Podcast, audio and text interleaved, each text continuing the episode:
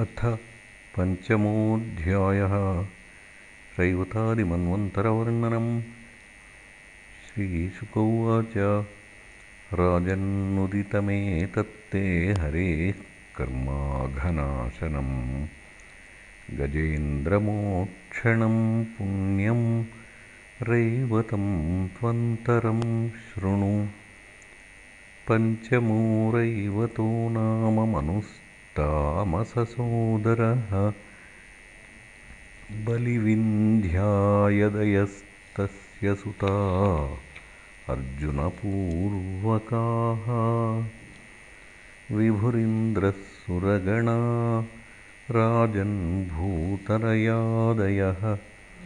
हिरण्यरोमा वेदशिरा ऊर्ध्वबाह्वादयो द्विजाः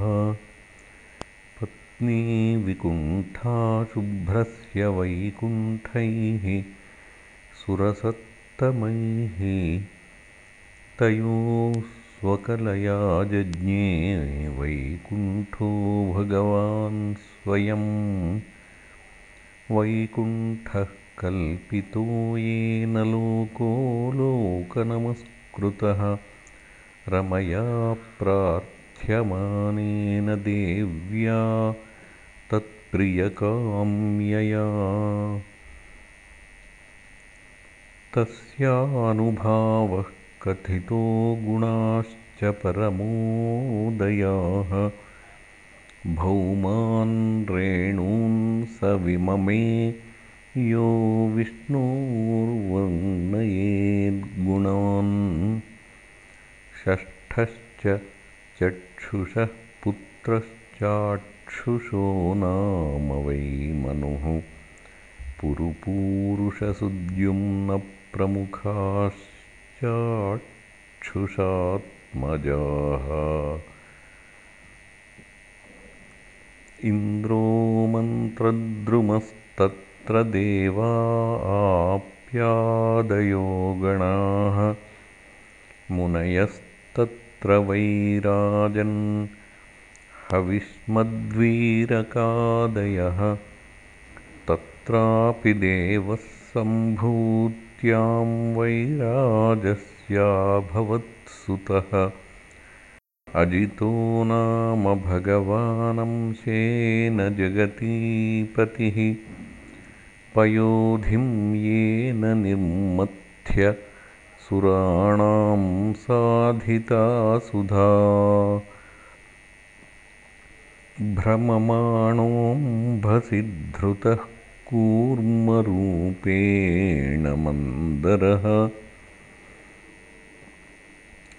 राजोवाच यथा भगवता ब्रह्मन्मथितः क्षीरसागरः। यदर्थं वा यतश्चाद्रिं दधाराम्बुचरात्मना यथामृतं सुरैः प्राप्तं किञ्चान्यदभवत्ततः। एतद्भगवतः कर्म वदस्वपरमाद्भुतम् त्वया सङ्कथ्यमानेन महिम्ना सात्वतां पतेः। नातितृप्यति मे चित् सुचिरं तापतापितम् सूत उवाच सम्पृष्टो भगवानेवं द्वैपायनसुतो द्विजाः अभिनन्द्य हरेर्वीर्यमभ्याचष्टुं प्रचक्रमे। श्रीशुक उवाच यदा युद्धे सुरैर्देवा बाध्यमानाः शितायुधैः गतासवो निपतितानोत्तिष्ठेरन् स्म भूरिशः यदा दुर्वासः शापात् सेन्द्रालोकास्त्रयो नृप निःश्रीकाश्चाभवंस्तत्र नेषुरिज्यादयः क्रियाः। निशाम्यैतत्सुरगणामहेन्द्रवरुणादयः नाध्यगच्छन् स्वयं मन्त्रैर्मन्त्रयन्तो विनिश्चयम् ततो ब्रह्मसभां जग्मुर्मेरोर्मूर्धनि सर्वशः सर्वं विज्ञापयां चक्रुः प्रणताः परमेष्ठिने। स विलोक्येन्द्रवायुवादीन्निःसत्त्वान् विगतप्रभान्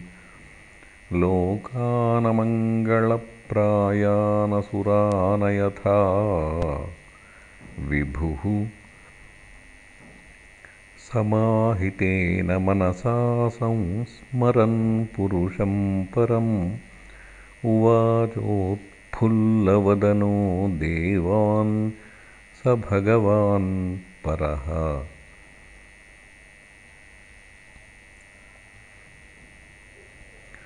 अहं भवो यूयमथोऽसुरादयो मनुष्यतिर्यग्द्रुमघर्मजातयः।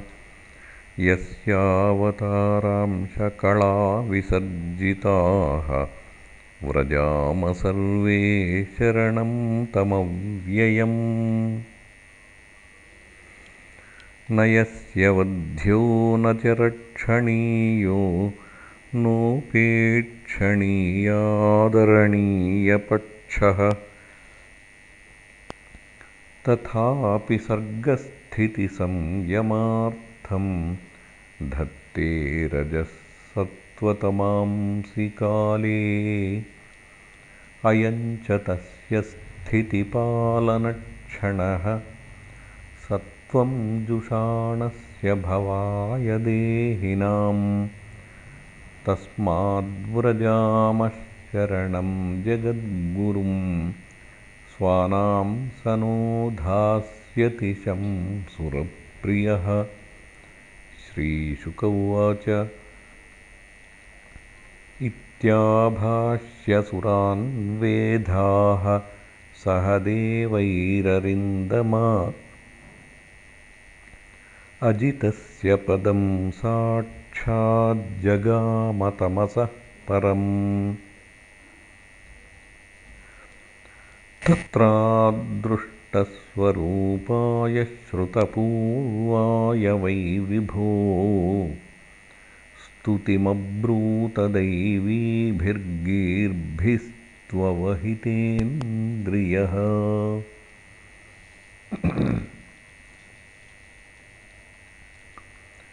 तत्रादृष्टस्वरूपाय श्रुतपूर्वाय वै विभो स्तुतिमब्रूतदैवीभिर्गीर्भिस्त्ववहितेन्द्रियः। ब्रह्मोवाच अविक्रियं सत्यमनन्तमाद्यं गुहाशयं निष्कलमप्रतर्क्यम् मनोग्रयानं वचसा निरुक्तं। नमामहे देववरं वरेण्यं। विपश्चितं प्राणमनोधियात्मनाम्। अर्थेन्द्रियाभासमनिद्रमौव्रणं छायातपौ यत्र न गृध्रपक्षौ तमट् अक्षरं खं त्रियुगं व्रजामहे। अजस्य चक्रं त्वजयेर्यमाणं मनोमयं पञ्चदशारमासु। तृणाभिविद्युच्चलमष्टनेमि यदक्षमाहुस्तमृतं प्रपद्ये य एकवर्णं तमसः परं तदलोकमव्यक्तमनन्तपारम् आसां चकारोपसुपर्णमेनमुपासते योगपथेन धीराः न यस्य कश्चातिति तत्ति मायां यया जनो मुह्यति वेदनार्थम्। तं निर्जितात्मात्मगुणं परेशं नमामभूतेषु समं चरन्तम्। इमे वयं यत्प्रिययैव तन्वा सत्त्वेन सृष्टा बहिरन्तराविः गतिं न सूक्ष्मामृषयश्च विद्महे। कुतोऽसुराद्या इतरप्रधानाः पादौ महीयं स्वकृतैव यस्य चतुर्विधो यत्र हि भूतसर्गः। स वै महापूरुषात्मतन्त्रः प्रसीदतां ब्रह्ममहाविभूतिः। अम्भस्तु यद्रेत उदारवीर्यं सिद्ध्यन्ति जीवन्त्युतवर्धमानाः लोकास्त्रयोथाखिललोकपालाः। प्रसीदतां ब्रह्ममहाविभूतिः सोमं मनो यस्य समामनन्ति। दिवौकसां वै बलमन्ध आयुः। ईशो नगानां प्रजनः प्रजानां प्रसीदतां नः स महाविभूतिः अग्निर्मुखं यस्य तु जातवेदाः जातः क्रियाकाण्डनिमित्तजन्मा अन्तः समुद्रेऽनुपचन् स्वधातून् प्रसीदतां नः स महाविभूतिः। यच्चक्षुरासीत्तरणिर्देवयानं त्रयीमयो ब्रह्मण एषधिष्ण्यम् द्वारं च मुक्तेरमृतं च मृत्योः प्रसीदतां नः स महाविभूतिः। प्राणादभूद्यस्य चराचराणां प्राणः सहो बलमोजश्च वायुः। अन्वास्मसम्राजमिवानुगाः वयम् प्रसीदतां नः स महाविभूतिः। श्रोत्राद्दिशो यस्य हृदश्च खानि प्रजज्ञिरेखं पुरुषस्य नाभ्याः। प्राणेन्द्रियात्मासु शरीरकेतं प्रसीदतां नः स महाविभूतिः बलान्महेन्द्रस्त्रिदशाः प्रसादात् मन्योर्गिरीशोऽधिषणाद्विरिञ्चः। खेभ्यस्तु छन्दांश्रुषयो मेढ्रतः कः। प्रसीदतां नः स महाविभूतिः श्रीर्वक्षसः पितरश्छाययासन् धर्महस्तनादितरः पृष्ठतोऽभूत् द्यौर्यस्य शीर्षोऽप्सरसो विहारात्। प्रसीदतां नः स महाविभूतिः विप्रो मुखाद्ब्रह्मचयस्य गुह्यं राजन्यासीद्भुजयोर्बलं च ऊर्वोर्विडोजोऽङ्घ्रिरवेदशूद्रौ प्रसीदतां नः स महाविभूतिः लोभोधरात्प्रीतिरुपर्यभूद्युतिः नस्तः पशव्यः स्पर्शेन कामः भ्रुवोर्यमः पक्ष्मभवस्तु कालः प्रसीदतां नः स महाविभूतिः द्रव्यं वयः कर्मगुणान् विशेषं यद्योगमायाविहितान् वदन्ति यद्दुर्विभाव्यं प्रबुधापबाधं प्रसीदतां नः स महाविभूतिः नमोऽस्तु तस्मा उपशान्तशक्तये स्वाराज्यलाभप्रतिपूरितात्मने गुणेषु मायारचितेषु वृत्तिभिः न सज्जमानाय नभस्वदूतये। सत्वं नो दर्शयात्मानमस्मत्करणगोचरं प्रपन्नानां दिदृक्षूणां सस्मितं ते मुखाम्बुजम्। तैस्तैः स्वेच्छाधृतैः रूपैः काले काले स्वयं विभो।